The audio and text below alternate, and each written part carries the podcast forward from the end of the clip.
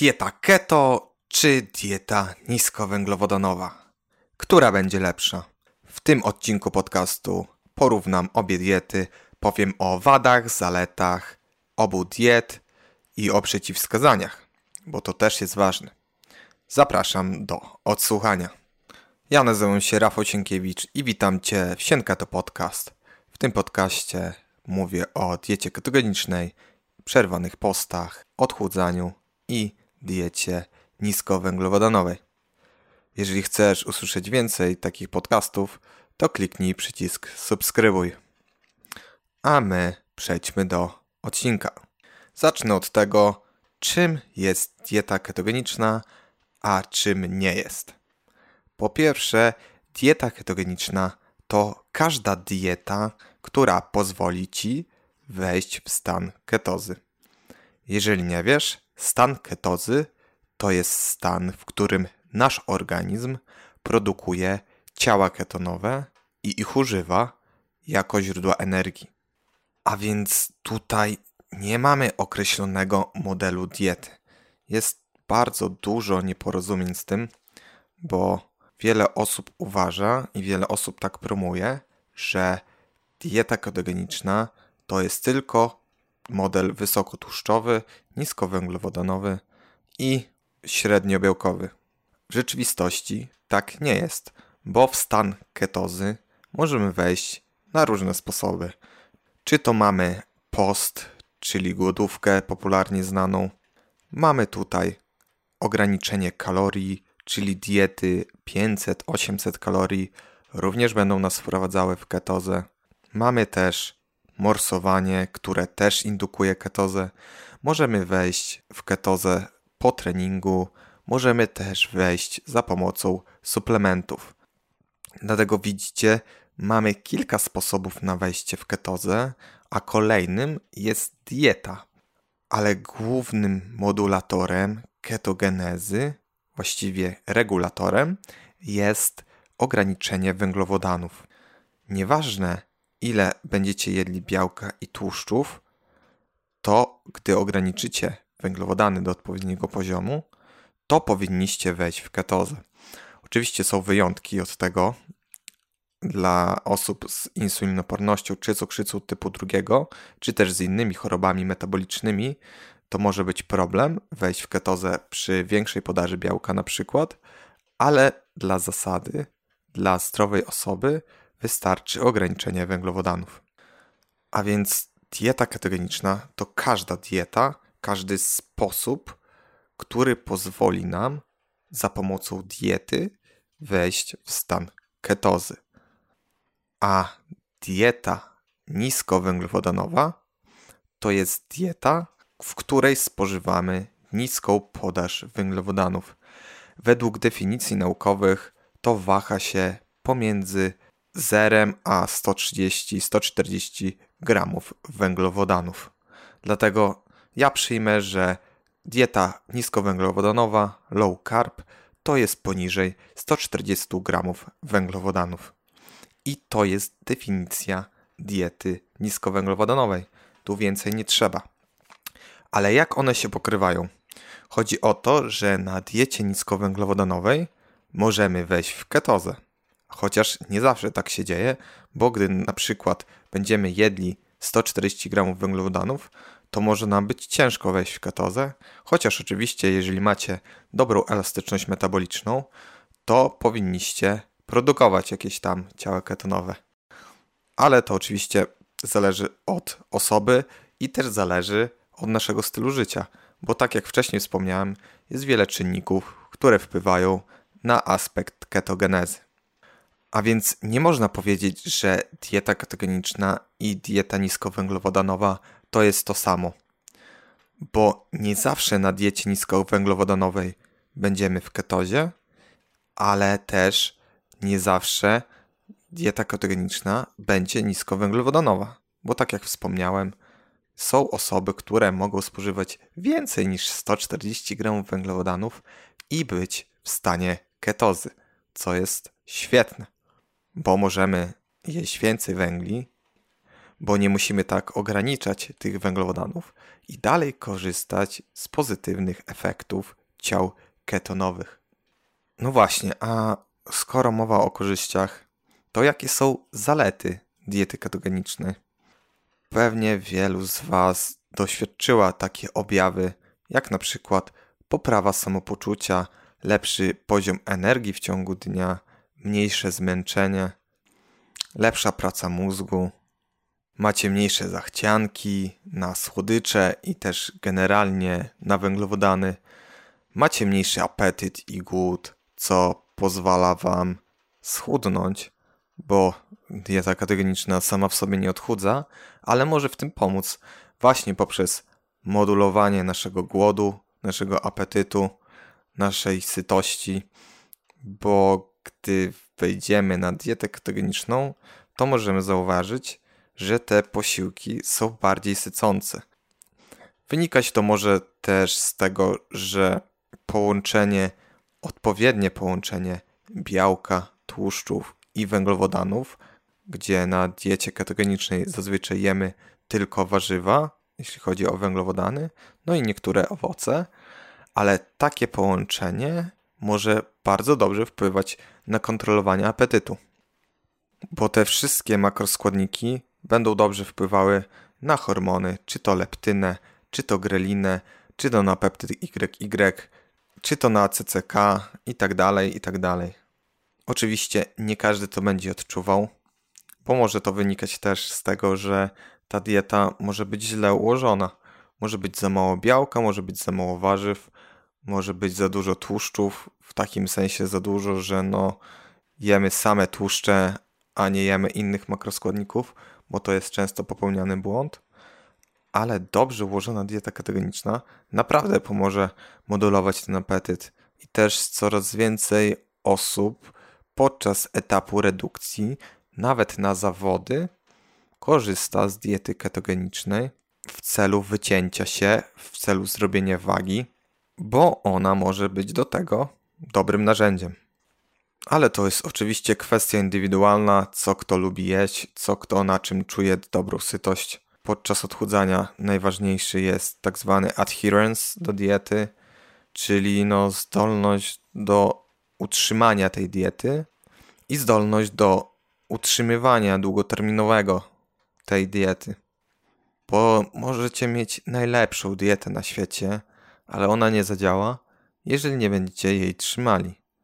Dlatego tu nie liczy się dieta konkretna per se, tylko liczy się to, czy jesteście w stanie ją utrzymać długoterminowo.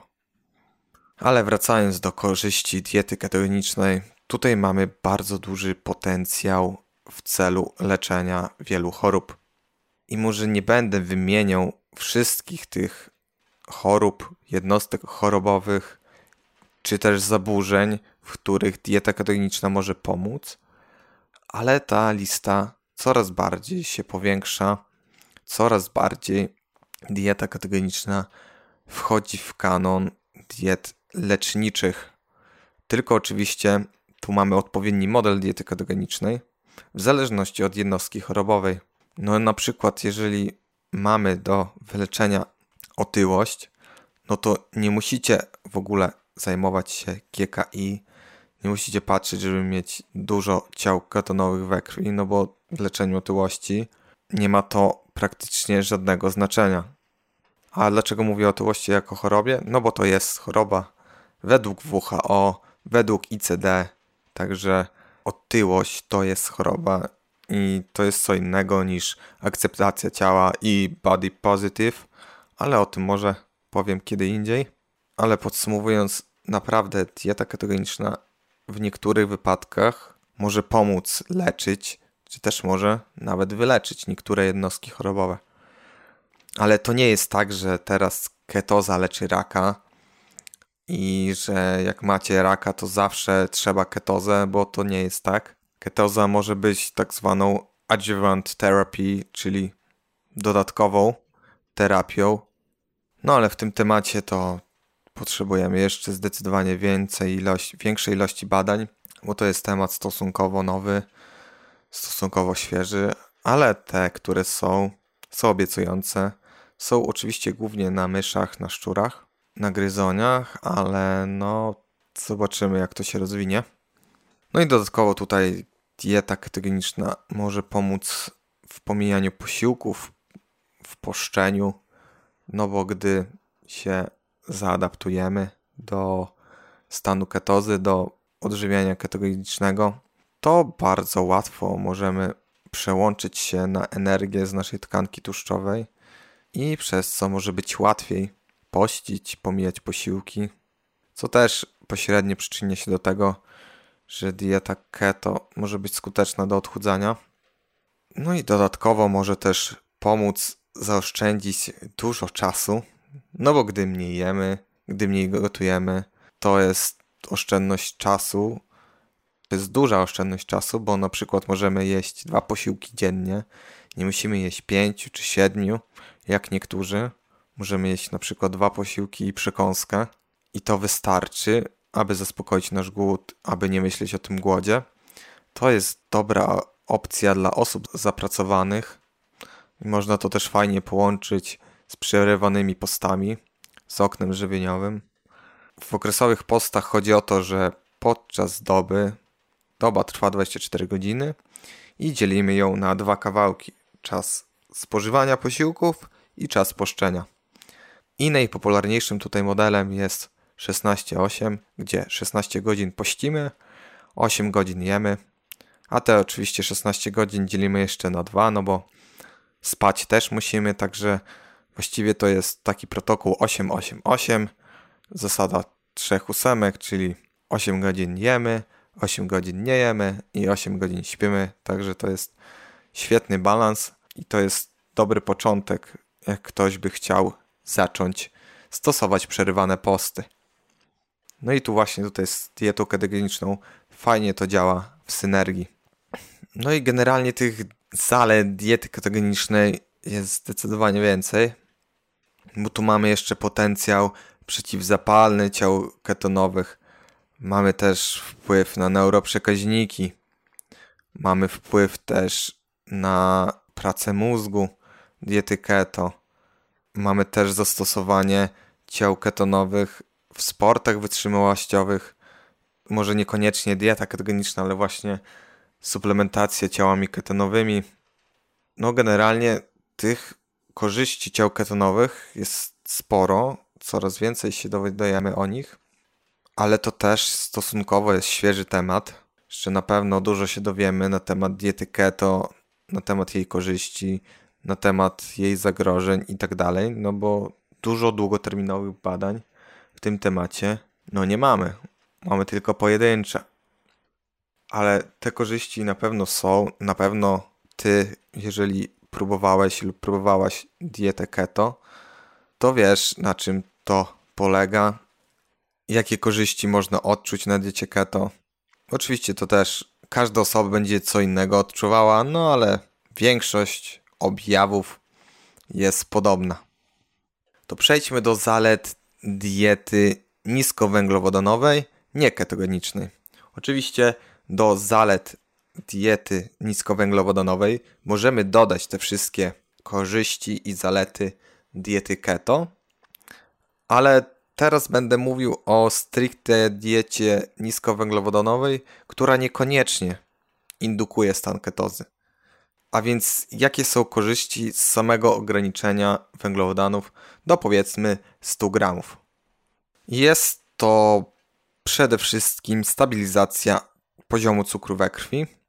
Wynika to głównie poprzez zmniejszenie ładunku glikemicznego naszej diety, no bo gdy ograniczamy węglowodany, no to automatycznie zmniejszamy ten ładunek glikemiczny naszej diety.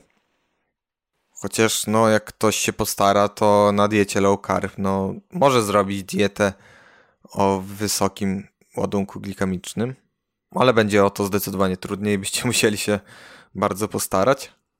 Ale to jest właśnie dobre dla osób z insulinopornością czy z cukrzycą typu drugiego, że jednak nie ma tych dużych skoków cukru we krwi, więc to może być dobra, ciekawa alternatywa dla standardowych diet, jeżeli chodzi o stabilizację poziomu cukru we krwi. No i też może pomóc schudnąć, bo gdy ustabilizujemy poziom cukru we krwi, to mamy więcej energii, y, nie mamy spadków energii po zjedzeniu jakiegoś posiłku, a więc automatycznie będziemy więcej się ruszali. I przez to po prostu będzie nam łatwiej schudnąć. No bo gdy jemy posiłek i idziemy spać, no to hm, nic, nic tu po nas, to na pewno nam się nie chce iść na spacer czy iść na trening.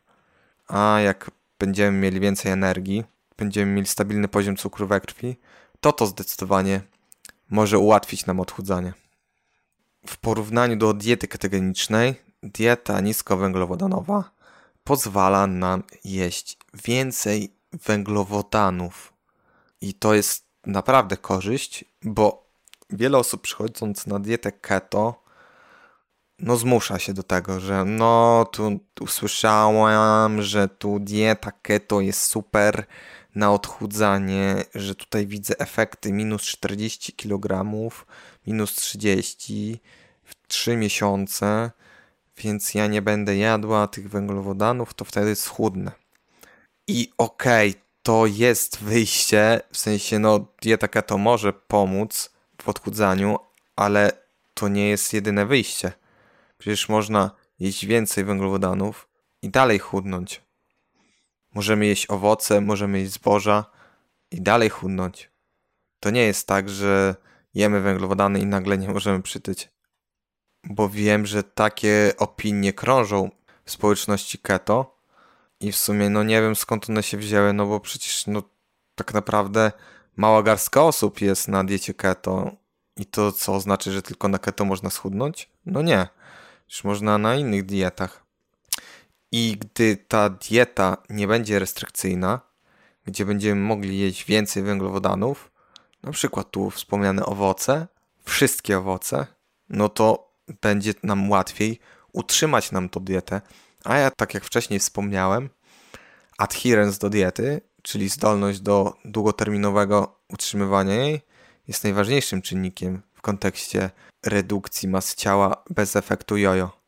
Także jeżeli pozwolicie sobie na większy luz w diecie, będziecie nawet od czasu do czasu wprowadzali chleby pełnoziarniste, bułki, kasze i inne zboża, to może być Wam łatwiej utrzymać taką dietę.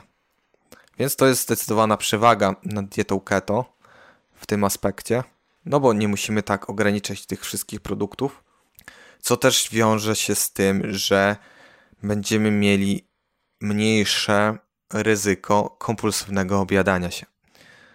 Bo tak jak mówiłem już w poprzednich odcinkach tego podcastu, zwłaszcza w tym odcinku na temat kompulsywnego objadania się, że gdy zakazujemy jakieś produkty, to potem możemy na nie się rzucać.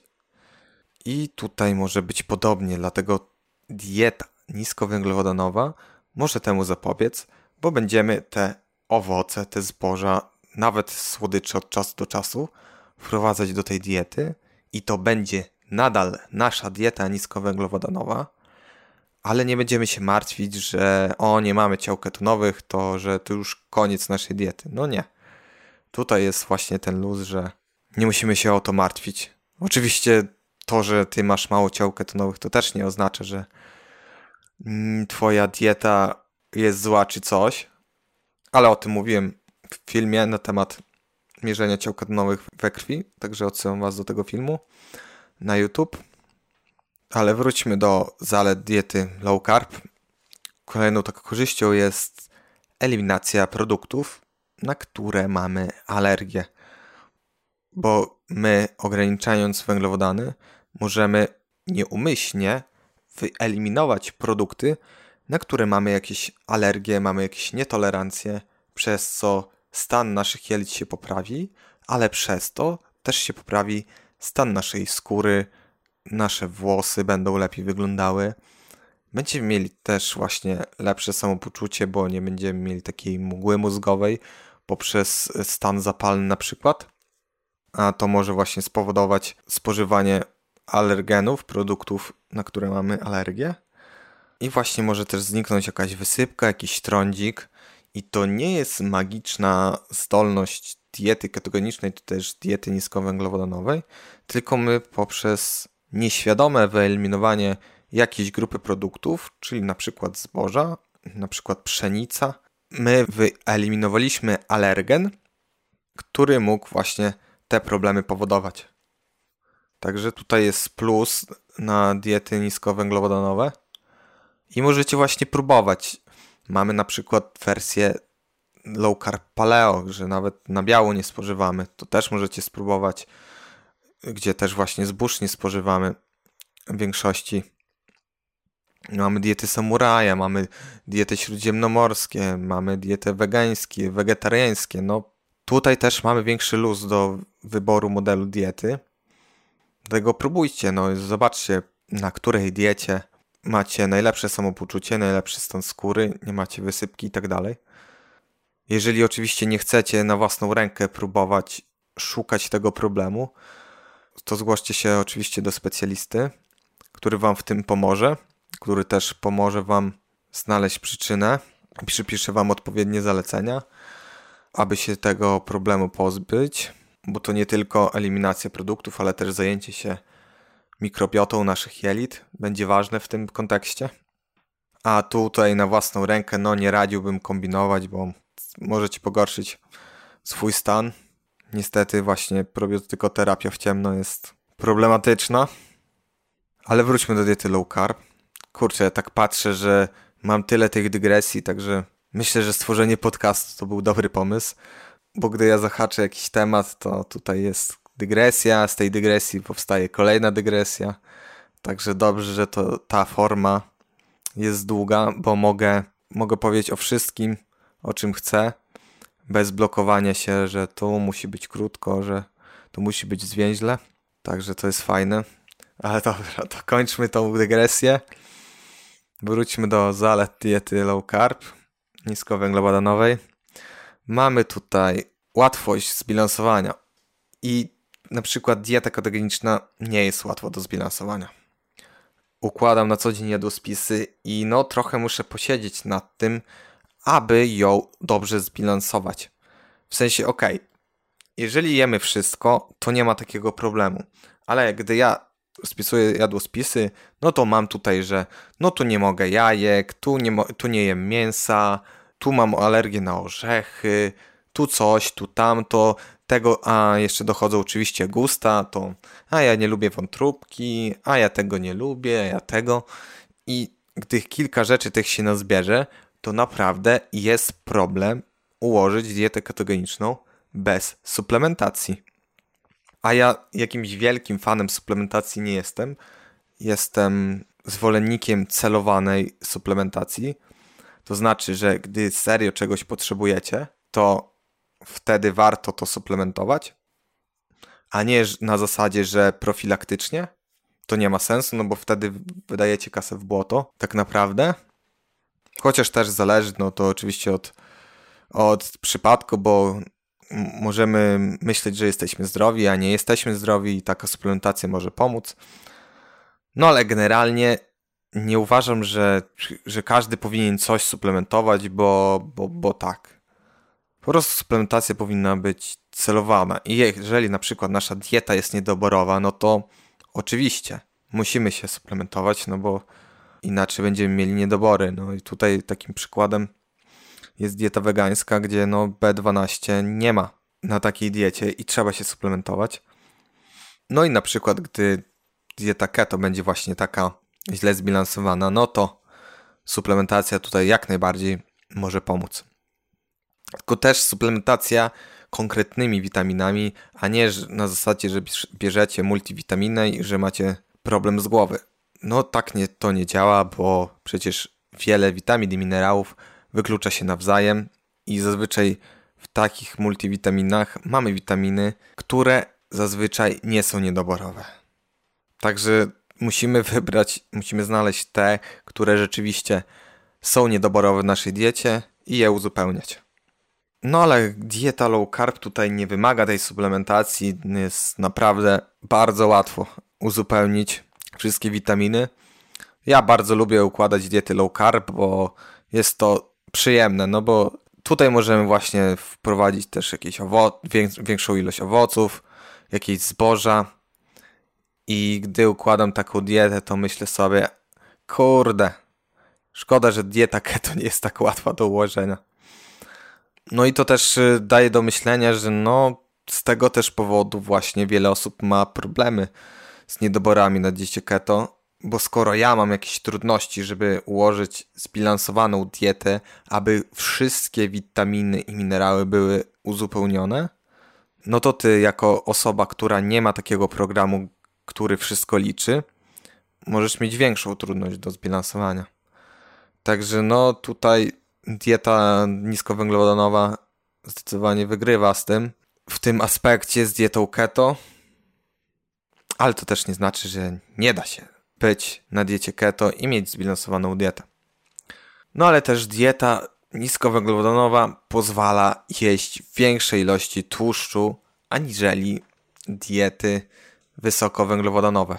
No bo na dietach high carb tak zwanych, czy też innych, takich standardowych, zbilansowanych, jest jednak to przeświadczenie, zalecenie, żeby nie spożywać dużo tłuszczów, żeby jeść więcej węglowodanów, a tutaj na diecie niskowęglowodanowej jest odwrotnie.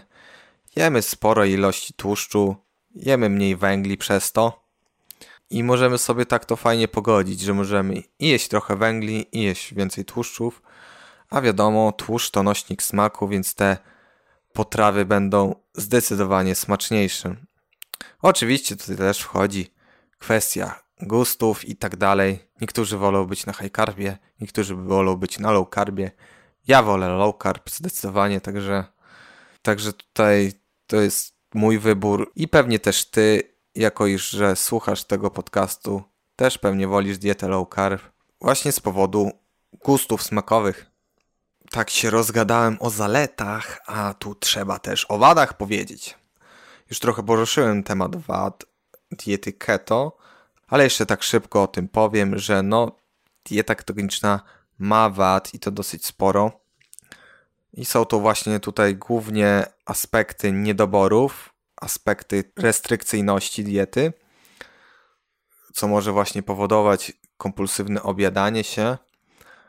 No i mamy też tutaj nieszczęsną ketoadaptację, gdzie na innych dietach no, nie wymaga adaptacji, takiej jak to wymaga dieta ketogeniczna.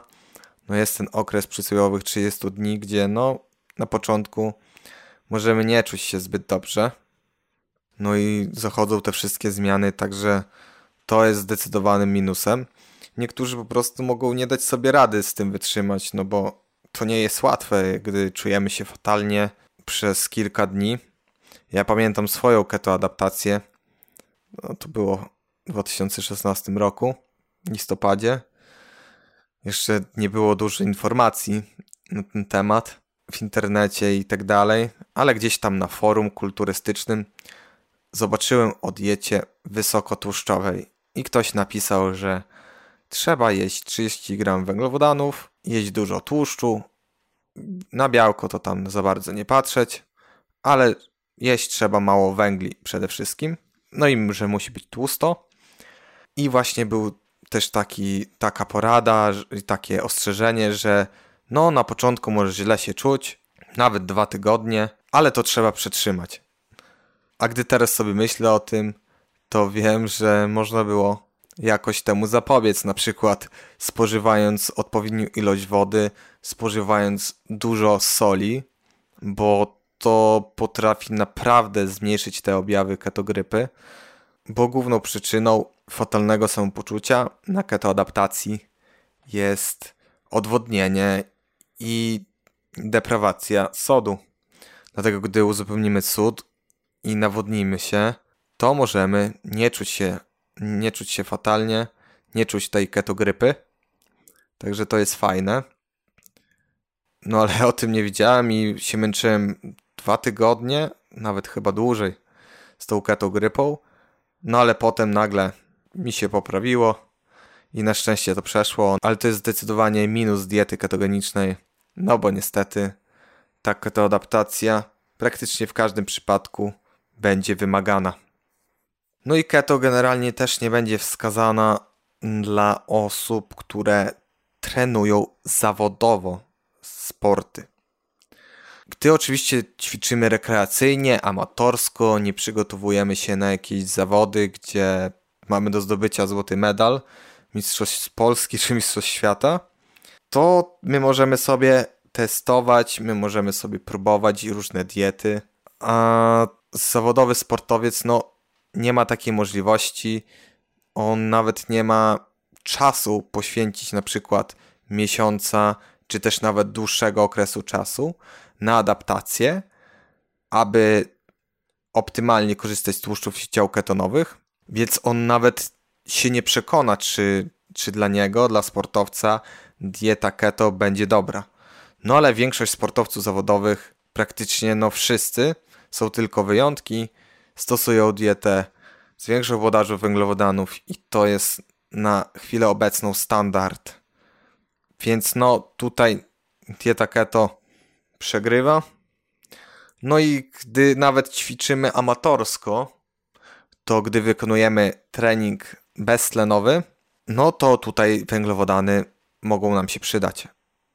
Gdy robimy jakieś intensywne ćwiczenia, crossfit, interwały, jakieś tabaty, jakieś peletony i tak dalej, to tutaj większa podaż węglowodanów może zdecydowanie pomóc i taka czysta dieta ketogeniczna, gdzie tych węglowodanów jest mało, no niestety może nie być dobrym pomysłem.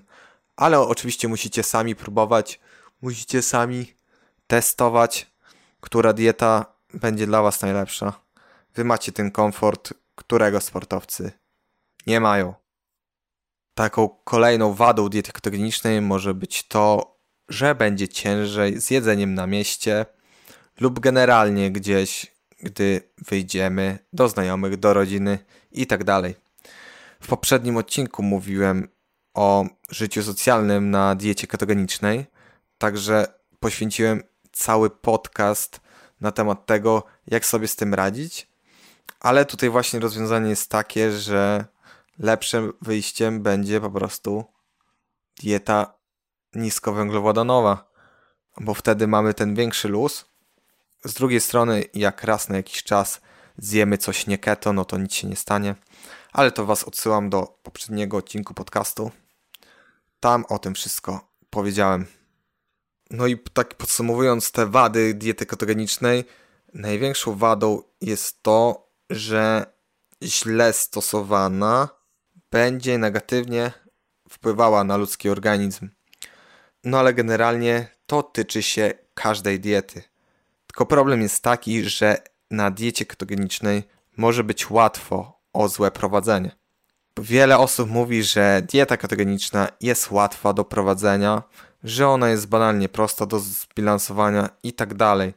Pozornie może tak wyglądać, ale w rzeczywistości, moim zdaniem, tak nie jest, z tego względu, że wystarczy wejść na Google'a, na YouTube'a i zobaczyć, jak często jest wpisywana dieta ketogeniczna i różne problemy. Na przykład, jak jeść na diecie ketogenicznej, co jeść, jakie tłuszcze, jakie węglowodany, jakie białka, czy mogę jeść nabiał na diecie ketogenicznej i tak dalej. Tych pytań jest tysiące, naprawdę. Gdyby dieta ketogeniczna była bardzo łatwa do zbilansowania i była bezproblematyczna, to by tych pytań nie było tak dużo. Czy na temat diety wysokowęglowodanowej czy zbilansowanej jest tyle pytań? No nie. A tutaj mamy dietę ketogeniczną, gdzie naprawdę tych pytań jest tysiące. Nie mam pęcherzyka żółciowego. Czy mogę być na keto? Mam problem z wątrobą. Czy mogę być na keto? Czy moja szóstka da radę, bo, bo jest tyle tłuszczu na diecie keto? I tak dalej, i tak dalej. Ja staram się odpowiedzieć na te wszystkie pytania, ale to nawet nie jest możliwe na wszystkie odpowiedzieć, bo z czasem pojawiają się kolejne i kolejne i kolejne. Ale ja tutaj właśnie na Instagramie staram się odpowiedzieć na nie wszystkie. Właśnie biorę takie pytanie, czy na diecie keto można coś tam, albo ile na diecie keto można jeść węglowodanów, no to ja właśnie biorę wpis i staram się to wytłumaczyć w formie lekkostrawnej, ale oczywiście to jest ciężkie do zrobienia, bo tych pytań jest bardzo dużo. Oczywiście na YouTubie też staram się o tym wszystkim powiedzieć, żeby Wam oczywiście pomóc. No ale widzicie, tyle tych pytań jest, więc nie mówmy, że dieta ketogeniczna jest łatwa, że jest banalnie prosta, bo gdyby była taka łatwa, to by nie było tylu pytań, tylu problemów i tak dalej. Dlatego właśnie to jest największa wada tej diety keto, że ona ma tyle problemów. Oczywiście to można wszystko ogarnąć. Pytanie zależy po co i dlaczego. Bo ja oczywiście Wam nie odradzam diety keto, tylko chcę Was uświadomić, z czym to się wiąże, bo moim zdaniem to nie jest taka łatwa dieta do stosowania, jak jest popularnie przedstawiana. A jakie wady ma ograniczenie węglowodanów? No tutaj tych wad jest zdecydowanie mniej aniżeli od diety ketogenicznej. No bo tak naprawdę tych większość wad się pokrywa ze sobą. No taką jedną z dużych wad jest właśnie samo to, że ograniczamy węglowodany. Bo jak ktoś lubi jeść ich dużo, to ograniczenie ich może być problemem. Ale właściwie to wszystkie wady diety keto też można podpiąć pod wady diety low carb, bo na diecie low carb również może być adaptacja, no chyba, że zwiększymy podaż węgli do 140, to raczej nie powinno być, chociaż różne przypadki są. Może też prowadzić do zaburzeń odżywiania, no bo skoro ograniczamy węglowodany, to może być problem, ale mówię, to też zależy od tego, ile my tych węglowodanów jemy. No bo możemy jeść 70, możemy jeść 30, ale też możemy jeść 130. I to wszystko zalicza się do kanonu diet niskowęglowodanowych. Także to też właśnie zależy od tego, ile my tych węgli jemy i te wady i zalety będą się zmieniały. A jakie są przeciwwskazania do diety keto i do diety low carb? Do diety low carb, takiej powiedzmy do 70 gramów, do 100 gramów węglowodanów, to myślę, że przeciwwskazań żadnych nie ma. No chyba, że tam jesteśmy sportowcami, o których wspomniałem, no to rzeczywiście to może wpłynąć na to, że negatywnie to wpłynie na nasze wyniki sportowe, ale w innych wypadkach taka dieta niskowęglowodanowa myślę, że będzie spoko. Oczywiście jak ktoś chce. Z dietą ketogeniczną już trochę jest inaczej, bo tutaj mamy więcej tych przeciwwskazań. Głównie są one genetyczne, to znaczy mamy jakiś tam polimorfizm genu, który na przykład negatywnie wpływa na metabolizm kwasów tłuszczowych, na przykład powoduje, że będziemy mieli problem z produkcją ciał ketonowych, będziemy mieć na przykład niedobór L-karnityn, co spowoduje problemy z y, transportem tłuszczów. No i tych polimorfizmów jest trochę, ale to oczywiście po wejściu na dietę keto będzie od razu widać. To na przykład będziemy tyli od razu na adaptacji, będziemy źle się czuli, będziemy mieli hipoglikemię i tak dalej. Gdy mamy jakieś polimorfizmy, które uniemożliwiają nam wejście w keto, to one bardzo szybko dają o sobie znać. Takimi innymi przeciwwskazaniami do diety ketogenicznej może być na przykład bycie w ciąży, może być karmienie piersią, Oczywiście są osoby, które na diecie ketogenicznej będą w ciąży i karmią piersią, ale tak naprawdę my nie wiemy, jak to wpływa czy to na płód, czy to na zdrowie matki. Mamy wiele przykładów anegdotycznych, gdzie kobieta mówi: Ja byłam na keto i byłam w ciąży, i karmiłam w ciąży, i było wszystko super. Okej, okay, ale pytanie, jak to wpłynęło na, to, na twoje dziecko, ale może gdyby jadła więcej węglowodanów, na przykład na diecie low carb, gdzie tych węglowodanów jest na przykład 70 gramów, to czy by nie było lepiej na przykład dla dziecka? No bo tak naprawdę nie jesteśmy w stanie tego zbadać. Dlatego ja bym podchodził do tego z dużą ostrożnością. Bo można, można, ale my tak naprawdę nie znamy skutków tego, Także moim zdaniem powinniście i w ciąży, i gdy karmicie piersią, przejść na dietę low carb i no po prostu zwiększyć ilość węglowodanów w diecie. Tu też nie chodzi o to, żeby wychodzić z ketozy, tylko chodzi o to, żeby jeść więcej węglowodanów, żeby organizm tworzył mniej sobie glukozy, a więcej sobie dostarczał z pożywienia. Bo słyszałem też przypadki, że można wpaść w hipoglikemię, gdy jemy za mało węglowodanów w ciąży, także zawsze jest ryzyko. Bo to jest tak, że czym mniej jemy węglowodanów, tym więcej węglowodanów, a konkretnie glukozy, musi stworzyć nasz organizm. A więc nie, ty nie musisz spożywać węglowodanów, możesz jeść nawet zero, ale wtedy twój organizm musi utworzyć sobie więcej glukozy w procesie glukoneogenezy. I dla niektórych matek to może być zbyt duży stres. A jak wiecie, stres może wpływać negatywnie czy to na zdrowie matki, czy to na zdrowie dziecka. To nie jest żadna tajemnica. I właśnie z tego też powodu są zalecenia, żeby więcej tych węglowodanów jeść w okresie ciąży, czy też w okresie karmienia piersią. I skoro jesteśmy już przy stresie, to właśnie ten argument glukoneogenezy i argument stresu jest również przeciwwskazaniem. Co mam na myśli? No, gdy mamy stresujące życie, mamy dużo stresów, czy to psychologicznych, czy to fizycznych. Fizyczne to mam na myśli deficyt kaloryczny, dużo treningów, właśnie ograniczenie węglowodanów. Mamy stres w pracy i tak dalej. Tych stresów najprzeróżniejszych jest bardzo dużo. I czym więcej stresu, no to wiadomo, tym gorzej dla naszego organizmu. Oczywiście odpowiednia ilość stresu jest dobra, co nas nie zabije, to nas wzmocni. To jest tak zwany efekt hormezy, ale chodzi o to, że za duża ilość stresu nie będzie na nas dobrze wpływała. A tak jak już wspomniałem, ograniczenie węglowodanów jest kolejnym stresorem. Więc gdy macie jakieś stresujące eventy w swoim życiu, jakieś problemy rodzinne, cokolwiek to nie jest, gdzie to wpływa rzeczywiście na wasz stan zdrowia i generalnie czujecie się zestresowani, to wtedy dieta ketogeniczna będzie przeciwwskazaniem, bo dieta ketogeniczna mimo wszystko jest stresem, bo aktywują te same hormony, kortyzol, noradrenalina, adrenalina i właśnie one się aktywują, aby między innymi wytworzyć glukozę w procesie glukoneogenezy.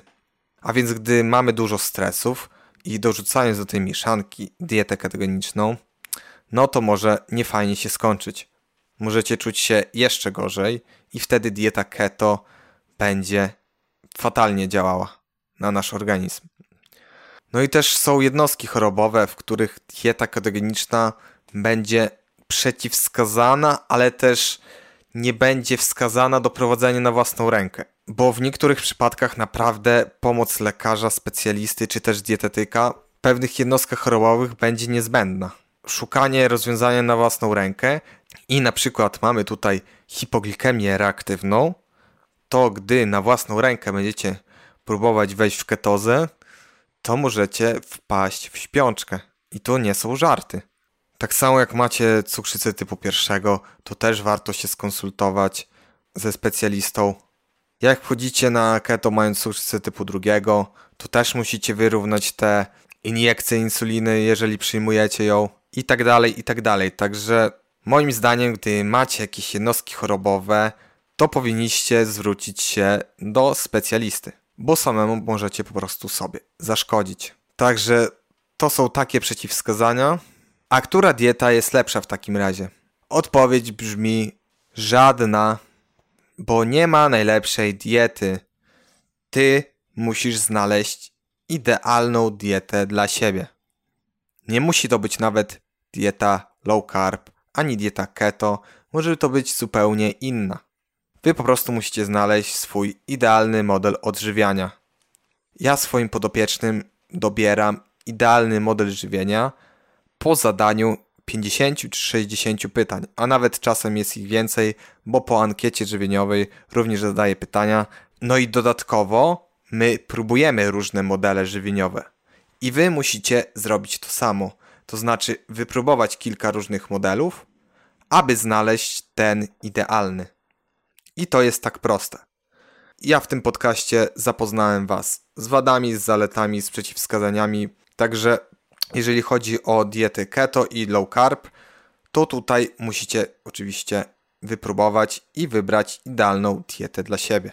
Ktoś może czuć się lepiej na keto, ktoś może czuć się lepiej na low carbie. I tutaj jest kwestia bardzo indywidualna. Także próbujcie, spróbujcie sobie 3 miesiące na keto, 3 miesiące na low carb, 3 miesiące na diecie wysokowęglowodanowej, 3 miesiące na jakiejś jeszcze innej diecie i przez rok przetestowaliście 4 diety i znajdźcie po prostu swój idealny model odżywiania, który będziecie stosowali do końca życia. Bo co to jest rok testowania w porównaniu do, nie wiem, 80 lat życia? No to jest praktycznie nic. Także musicie po prostu próbować. I tym akcentem zakończę dzisiejszy podcast. Dziękuję bardzo za odsłuchanie. Zachęcam Cię do odsłuchania poprzednich odcinków, do odwiedzania moich social mediów, Instagrama, Facebooka. Tam jest więcej materiałów do przeczytania. Zachęcam Cię do odwiedzenia mojego bloga i do oglądania filmów na YouTube. Dziękuję jeszcze raz za odsłuchanie i do usłyszenia w kolejnym odcinku.